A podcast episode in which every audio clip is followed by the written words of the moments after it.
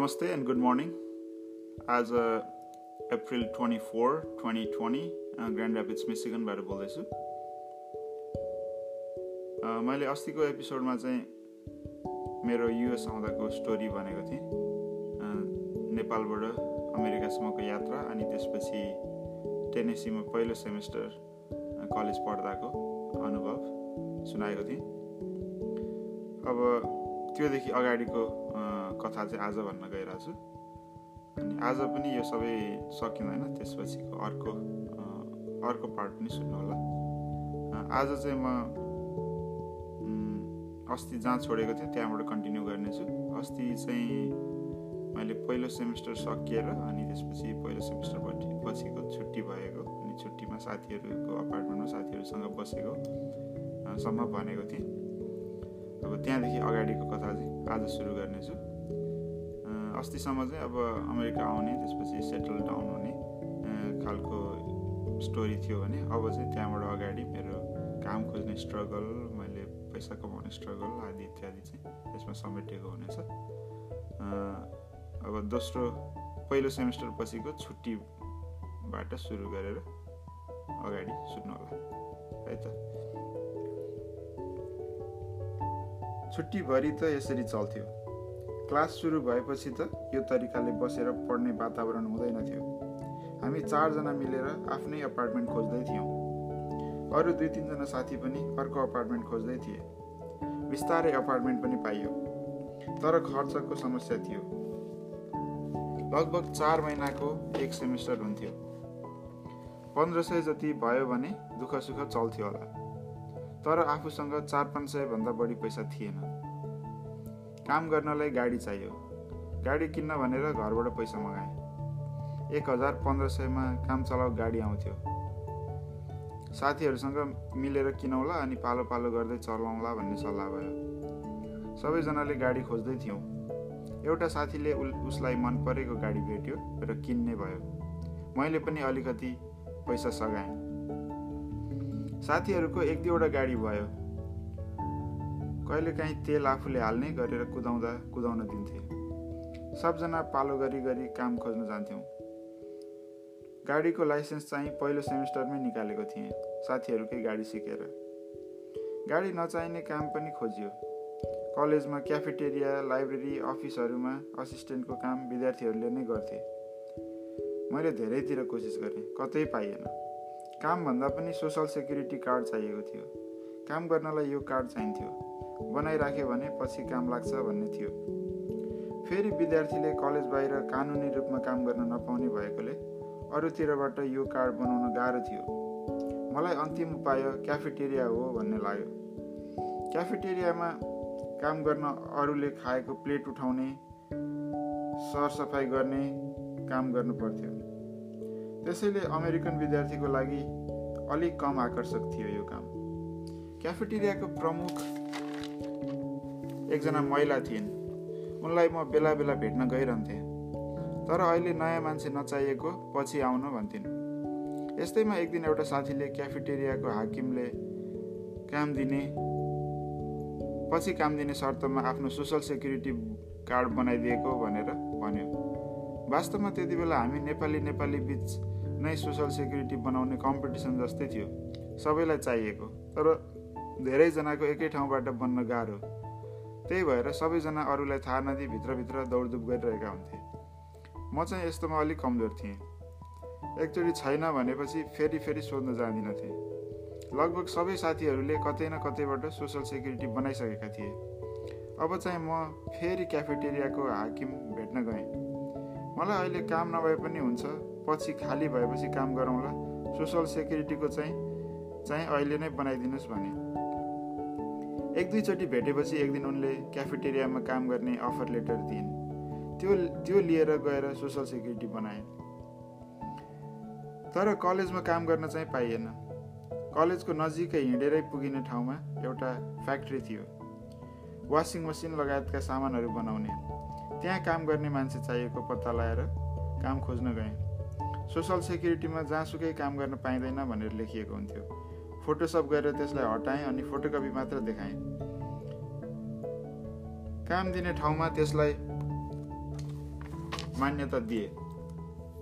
सबै प्रक्रिया मिलेपछि ओरिएन्टेसनको दिन तोकियो। ओरिएन्टेसनदेखिकै समयको पैसा आउँथ्यो। यहाँ काम पाएको कुरा अरू साथीहरूलाई पनि भने। उनीहरूले पनि मेरै जस्तो गरेर अप्लाई गरे र पाए पनि। हामी चार पाँचजना थियौँ होला। ओरिएन्टेसन दुई दिन थियो।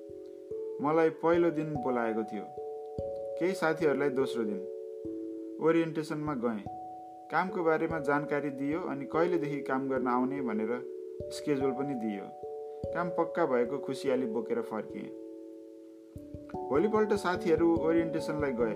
फर्केर आउँदा त काम नहुने पो भन्छन्। फर्केर आउँदा त काम नहुने भए पो भन्छन्। के भयो भनेर सोधेको। एकजना साथीले चाहिँ हामी विदेशी विद्यार्थी हौँ हामीले यहाँ काम गर्दा केही अप्ठ्यारो त हुँदैन भनेर सोधेछ। कागजपत्र किर्ते गरेर काम पाएको छ त्यसरी सोधेपछि त कसले हुन्छ भन्छ र? विदेशीले त काम गर्न पाइँदैन भनेर फर्काइदिएछ। मेरो पनि पाइसकेको काम गयो। एउटा साथीले काम गर्ने अर्को ठाउँ पत्ता लगाएछ काम पाउन सजिलो काम गरेकै काम पाउन सजिलो काम गरेकै दिन क्यास पैसा आउने रहेछ। जाने भयौँ।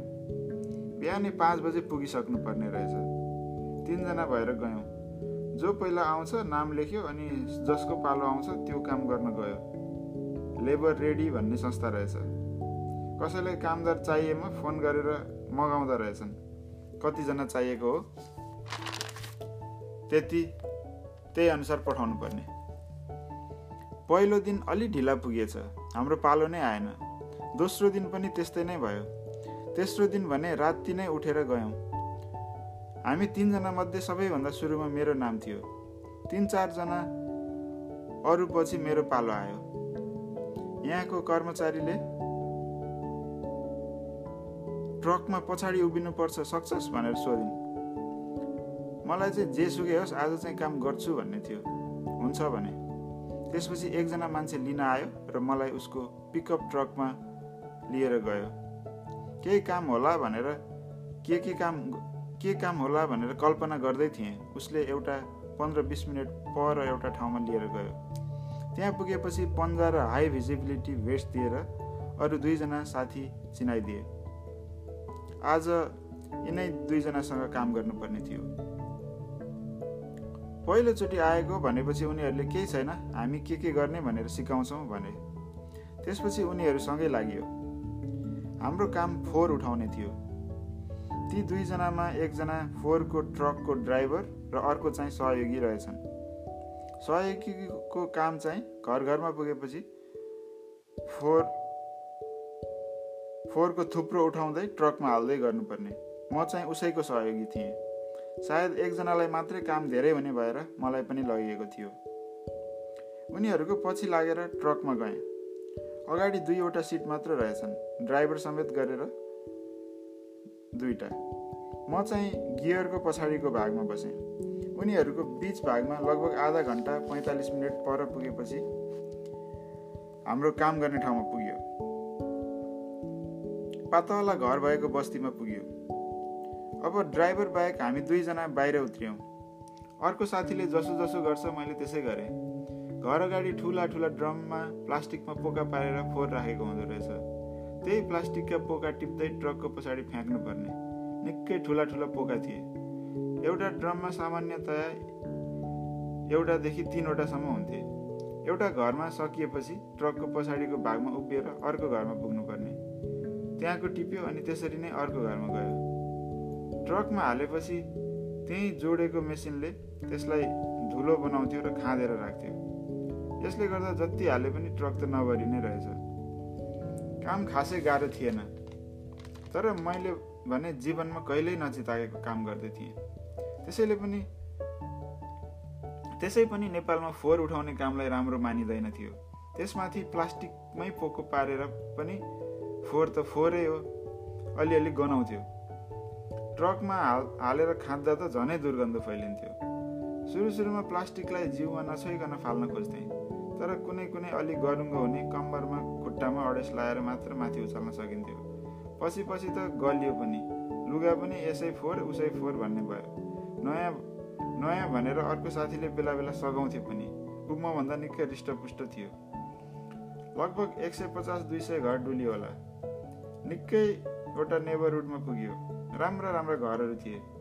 हामी बस्ने पढ्ने कलेजभन्दा एक डेढ घन्टा टाढा होला। कलेज छुट्टी थियो। मलाई भने कोही चिनेको मान्छेले देख्ला कि? भन्ने हीनता बोध भइरह्यो। अहिलेको जस्तो भए निर्धक्क साथ काम गर्थेँ होला। तर खै किन हो त्यति बेला चाहिँ साह्रै नराम्रो मानि मानि काम गरेँ। निकै घर पुगे निकै घर डुलेपछि ट्रक भरियो। म फेरि ट्रकभित्र अघिकै सिटमा बसेँ। अब हामी फेरि आधा घन्टा जति पर अर्को ठाउँमा गयौँ। त्यहाँ चाहिँ ट्रकको फोहोर खन्याउने काम रहेछ। ट्रकभित्रै बसे पनि निकै दुर्गन्धित थियो। ट्रकको डालो नै ठाडो पारेर पोख्नुपर्ने रहेछ धेरै बेर लागेन। त्यसपछि त्यसपछि सायद हामीले कतै गएर लन्च खायौँ अनि फेरि अर्को ठाउँमा अरू फोहोर उठाउन गयौँ। लगभग तिन बजेतिर काम सकियो। ट्रकमा भएको फोहोर सँगै लिएर हामी फर्क्यौँ। पहिलाकै ठाउँमा पुगेपछि एकजना मानिसले उसको गाडीमा हालेर लेबर रेडी पुर्याइदियो आज दस घन्टा काम गरिएछ। घन्टाको सात डलरको हिसाबले सत्तरी डलर भयो। त्यसमा ट्याक्स काटेर बैसठी त्रिसठी डलर क्यास हातमा दिए। त्यो अमेरिकाको मेरो पहिलो कमाइ थियो। सँगै आएका अरू साथीले चाहिँ आज काम पाए कि पाएनन् थाहा थिएन। त्यहाँबाट घर फर्किन त्यति टाढा थिएन। हिँडेरै गएँ। अपार्टमेन्टमा पुग्दा कोही पनि थिएन। लुगा खोलेर लन्ड्रीमा हालेँ र नुहाई धुवाई गरेर साथीहरूलाई भेट्न निस्किएँ एक दुईजनाले काम कस्तो थियो भनेर सोधे पनि। कामको बारेमा अरू खासै कुरा भएन। अरू साथीहरू आज पनि काम नगरी फर्किएछन्। भोलिपल्टदेखि लेबर लेबर रेडी जान बन्द भयो। कानुन त विदेशी विद्यार्थीले कलेज बाहिर काम गर्न पाइँदैन थियो। त्यस्तै अनेक उपाय लगाएर काम गर्न खो काम खोज्नुपर्ने। बल्ल बल्ल पाएको काम पनि एउटा चिप्लिएको अर्को गर्न मन लागेन।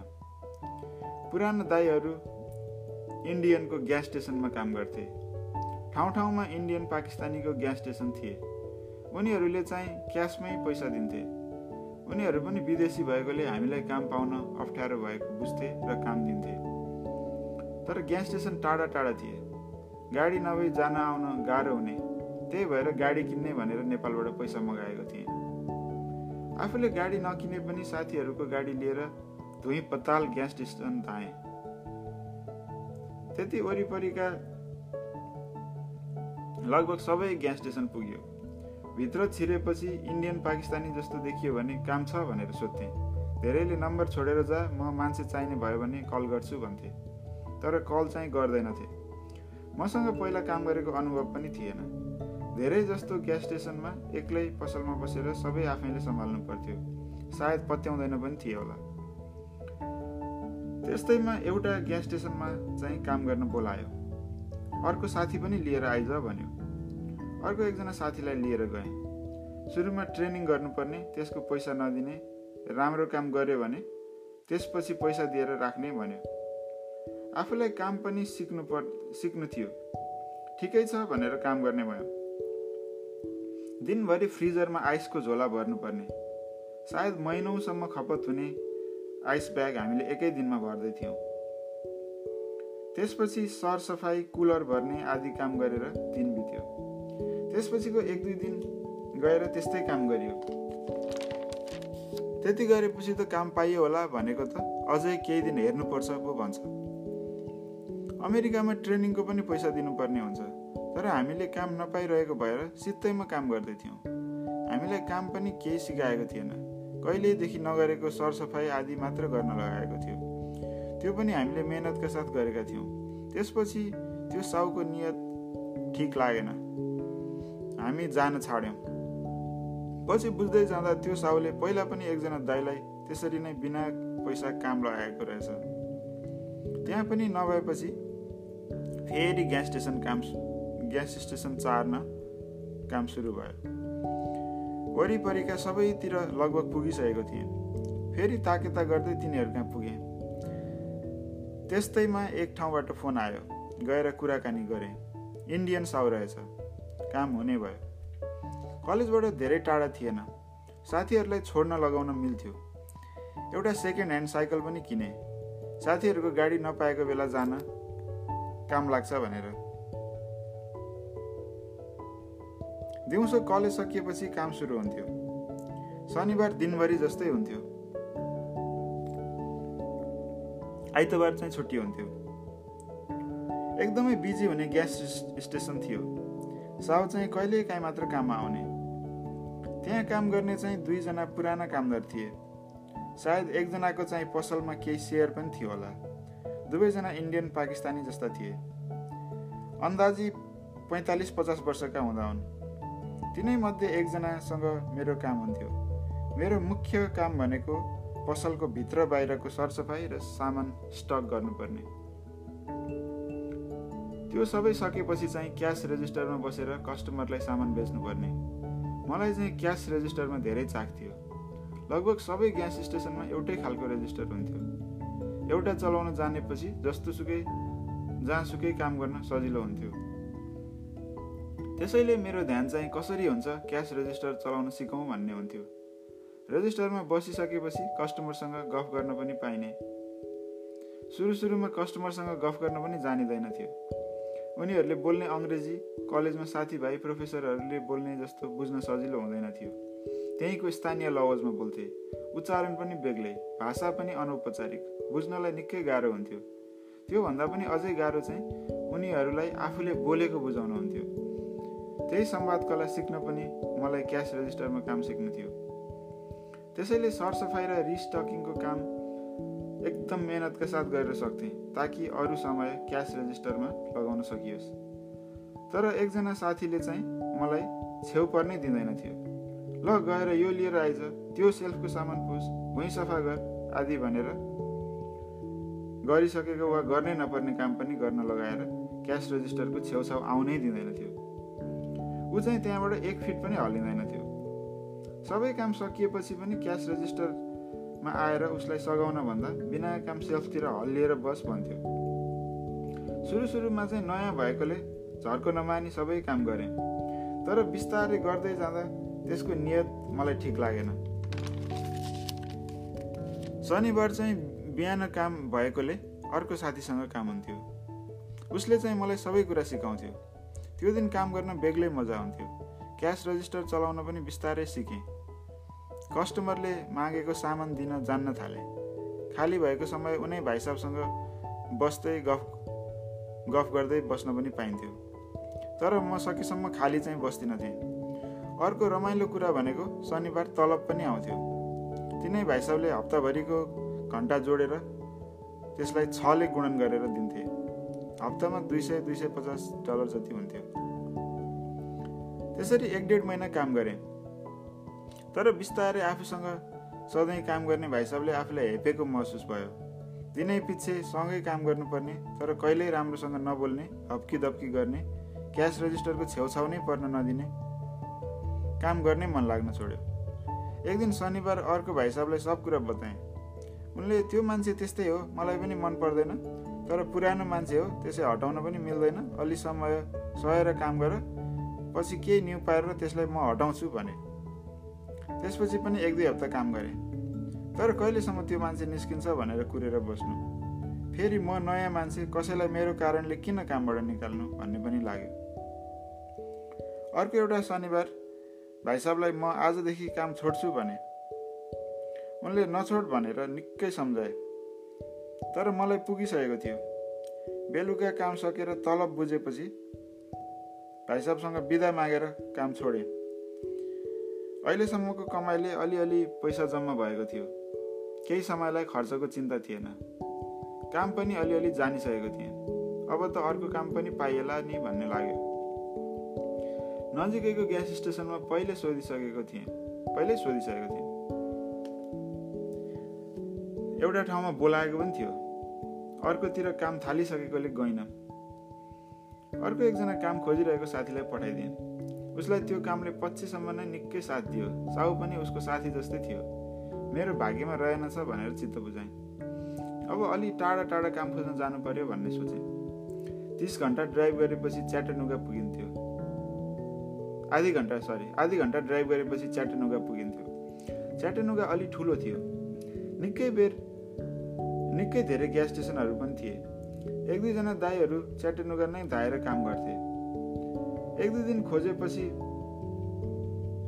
एउटा ठाउँमा काम पाइयो। तर आफ्नै गाडी चाहिने अनि साथीहरूलाई पुर्याउन अलिक टाढा हुने ठाउँ थियो। फेरि उनीहरूसँग स्केड्युल पनि मिल्नुपर्ने। आफ्नै गाडी किन्ने विचार गरे। अलिअलि पैसा थियो सस्तो मस्तो गाडी आउँथ्यो। नपुगेको साथीहरूले सापड पनि दिन्थे। गाडीको बन्दोबस्त पनि मिल्दै थियो। तर हाइवेमा गाडी पहिला त्यति चलाएको थिइनँ च्याटनुगा जाँदा इन्टरस्टेट हाइवेबाट जानुपर्ने। पचहत्तर माइल प्रति घन्टा गाडी कुदाउनु पर्ने। इन्टरस्टेटमा छिर्न चाहिँ सबैभन्दा गाह्रो लाग्थ्यो। त्यहाँ कुदिरहेका गाडी रोकिँदैन थिए। आफूले ऱ्यामबाट हुइक्याएर पैँसठी सत्तरीको स्पिडमा पुर्याएर कुद्दै गरेको गाडीको हुलमा छिर्नुपर्ने। त्यत्रो स्पिडमा कुद्दै गर्दा छिर्ने ठाउँ पाइएन भने भन्ने डर लाग्थ्यो। तर प्र्याक्टिस गरेपछि त जानिहालिन्छ नि भनेर कहिलेकाहीँ मौका मिल्दा हाइवेतिर कुदाउन थालेँ। बिस्तारै हाइवे कुदाउन पनि आँट आउन थालेको थियो तर निकै होसियार भएर कुदाउँथेँ। साथीहरूलाई पनि मैले हाइवेमा गाडी कुदाउन थालेको थाहा थियो। त्यस्तैमा एक दिन केही साथीहरूलाई एयरपोर्ट जानुपर्ने भयो। एकजना साथीको गर्लफ्रेन्ड उसलाई भेट्न पेन्सिल्भेनियाबाट आएकी थिइन्। उनी पनि मेरो स्कुलको साथी थिइन्। केही दिन बसेपछि त्यो दिन उनको फर्किने दिन थियो। च्याटेनुगाको एयरपोर्टसम्म उनलाई पुर्याउन जानुपर्ने भयो। कसैले नभ्याउने भएपछि उनीहरूले मलाई भने मैले पनि हाइवेमा कुदाउन थालिसकेकोले हुन्छ भने। फेरि मलाई हाइवे कुदाउने प्र्याक्टिस पनि हुन्थ्यो। गाडी चाहिँ किनिसकेको थिइनँ। अर्कै एकजना साथीको गाडी लिएर जानुपर्ने। अर्को एकजना साथीलाई पनि च्याटनुगा काम गर्न जानुपर्ने दुईवटा गाडीमा अगाडि पछाडि गर्दै गयौँ। त्यो साथीलाई काममा छोडेपछि चाहिँ हामी एयरपोर्टतिर लाग्यौँ। गर्लफ्रेन्ड बोयफ्रेन्ड बाहेक अरू दुईजना साथी र म थियौँ। उनीहरूमध्ये मेरो मात्र लाइसेन्स थियो। त्यसैले गाडी मैले नै कुदाएँ। एयरपोर्टमा उनलाई छोडेपछि हामी चारजना फर्किनलाई हिँड्यौँ। हाइवेबाट फर्किनु पर्ने मेरो ध्यान चाहिँ पुरै बाटोमा थियो। अरू साथीहरू चाहिँ पुरै समय हाँसो ठट्टा गर्दै थिए। धेरै जसो चाहिँ मलाई नै उडाउँदै थिए। गाडी चलाउने मान्छे त्यो पनि सिकारु मलाई अहिले नजिस्काएको भए हुने भन्ने लाग्यो। तर पनि उनीहरू आफ्नै सुरमा थिए। हाइवेबाट राम्रैसँग बाहिर आयो। हाइवेको एक्जिट लिने बित्तिकै म दुई लेनको बाटो। हाइवेको एक्जिट लिने बित्तिकै दुई लेनको बाटो आउँथ्यो। पचास पचपन्न माइल प्रति घन्टा स्पिड लिमिट भएको। गाडी घुमाएर म देब्रेतिरको लेनमा बसेँ। त्यही नजिकै दाहिनेतिर एकजना साथी काम गर्ने ग्यास स्टेसन थियो। उसले ग्यास स्टेसन उसको ग्यास स्टेसन नजिकै पुगेपछि साथीहरूले त्यहाँ जाउँ त्यहाँ जाउँ भनेर कराउन थाले। म निकै अगाडि आइसकेको थिएँ। देब्रेबाट दाहिने लेनमा आएर अनि त्यहाँबाट दायाँ मोडेर ग्यास स्टेसनमा छिर्नु पर्थ्यो। पचास पचपन्नको स्पिडमा त्यति नजिकबाट त्यो सम्भव नै थिएन। तिनैजना साथीहरूले एकै स्वरमा त्यतै जाउँ त्यतै जाउँ भन्न थाले। गाडी ग्यास स्टेसनकै आम्ने सामुन्ने आइपुगेको थियो। मेरो दिमागले केही सोच्नै सकेन। दाहिनेतिरको मिट मिररमा एक झलक हेरेर देब्रे लेनबाटै गाडी सिधै दाहिने मोडिदिएँ। त्यस बेला चाहिँ कसैले होइन होइन अर्को गाडी छ भनेको कता कता सुने तर धेरै ढिला भइसकेको थियो। गडाङ गुडुङ गाडी ठोकियो। त्यति बेला त के भयो राम्रो अन्दाज नै भएन। पछि थाहा पाउँदा चाहिँ हाम्रो दाहिनेतिर अर्को लेनमा सायद अर्को गाडी आउँदै रहेछ। धेरै नजिक आइसकेकोले सायद ब्लाइन्ड स्पटमा परेर मिररमा मैले त्यसलाई देखिनँ। त्यस्तो बेलामा मिररको अलावा अलिकति टाउको घुमाएर दाहिनेतिर हेर्नुपर्छ। मैले हतारमा त्यो गरिनँ। हाम्रो गाडी घुम्ने बित्तिकै अर्को गाडीले सिधै ठोकेछ। दुइटै गाडी घिस्रिँदै गएर ग्यास स्टेसनतिर पसेछन्। धन्न पम्पलाई सुरक्षित गर्न राखेको एउटा स्टिलको खम्बाले हामीलाई जोगाएछ। नत्र त पम्पमा ठोकिएर आग लागि पनि हुन सक्थ्यो मलाई त त्यो बेला केही नै थाहा भएन। गाडी ठोकिएको र अत्तालिँदै गाडीबाट निस्केको अलिअलि याद थियो। त्यो बाहेक केही थाहा भएन। एक्सिडेन्ट हुने बित्तिकै मान्छे जम्मा भएर एम्बुलेन्स पुलिसलाई खबर गरेछन्। ग्यास स्टेसनमा काम गरिरहेको साथीले अरू साथीहरूलाई पनि खबर गरिदियो सबै मिलेर हामीलाई हस्पिटल लगेछन्। मलाई चाहिँ खासै केही चोटपटक लागेन। स्टेरिङमा भएको एयर ब्यागले बचाएछ।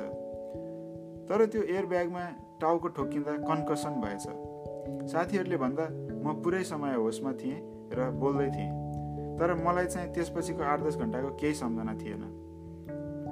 कन्कसनको असर रहेछ। हस्पिटलले घरमै लगाएर राख्नु भोलि टाउको सिटी स्क्यान गर्नुपर्छ भनेर घर पठाइदिएछ। अर्को एकजना साथीलाई पनि सामान्य चटपटक मात्रै लाग्यो। तेस्रो साथीलाई चाहिँ अगाडिको प्यासेन्जर सिटमा बसेको थियो। पछाडिबाट ठेलिएर ढाडमा निकै धक्का परेछ। हड्डी नभाँचिए पनि ढाड चाहिँ पछिसम्म पनि दुखिरहेको थियो। सबैभन्दा धेरै चोट चाहिँ मेरो पछाडि बस्ने साथीलाई लागेछ। उसको अनुहार चाहिँ आफ्नो अगाडिको सिटमा ठोकिएछ।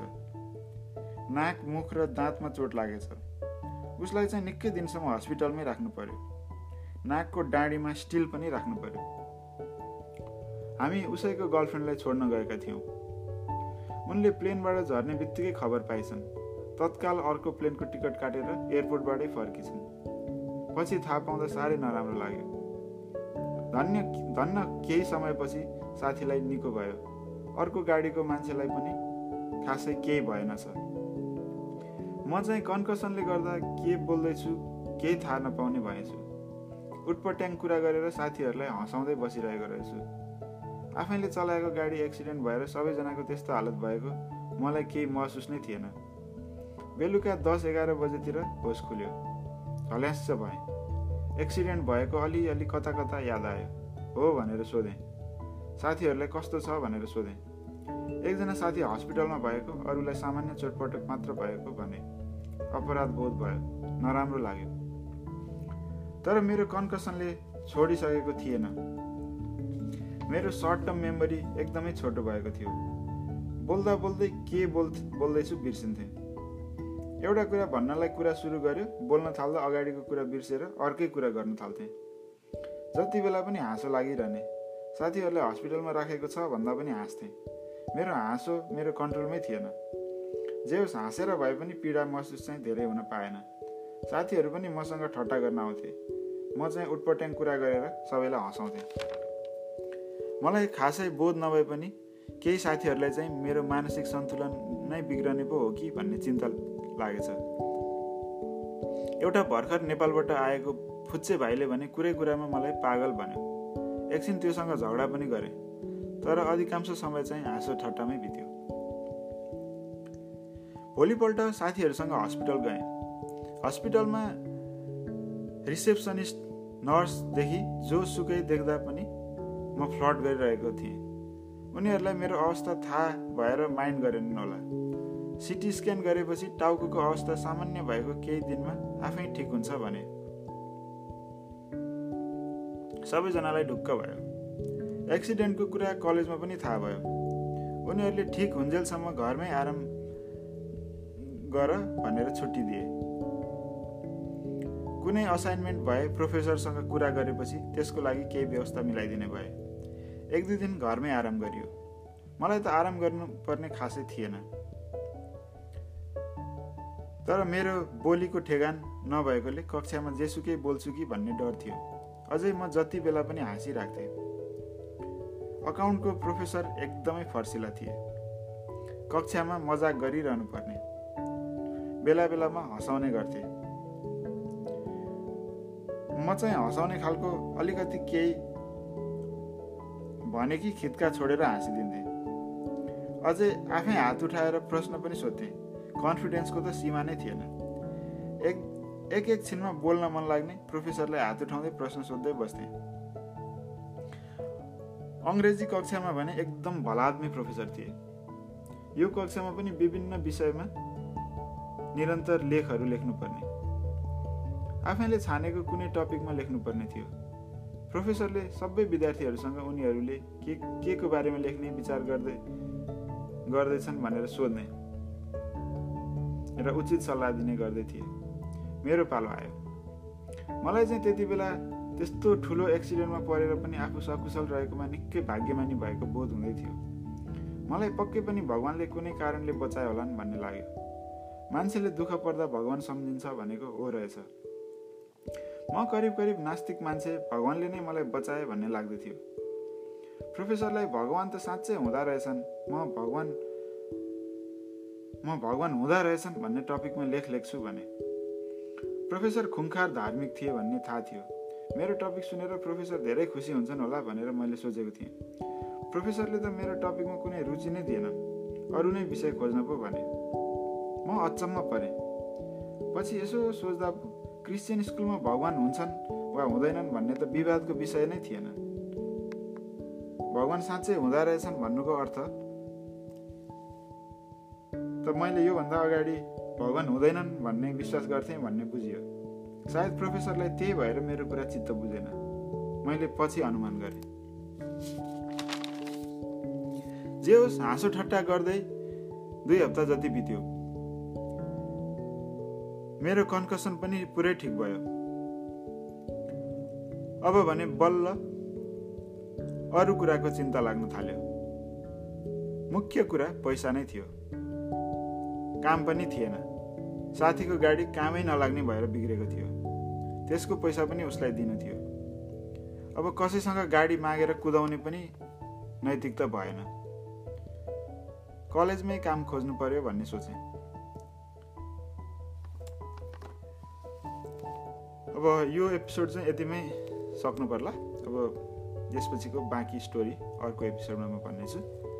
Thank you for listening bye you.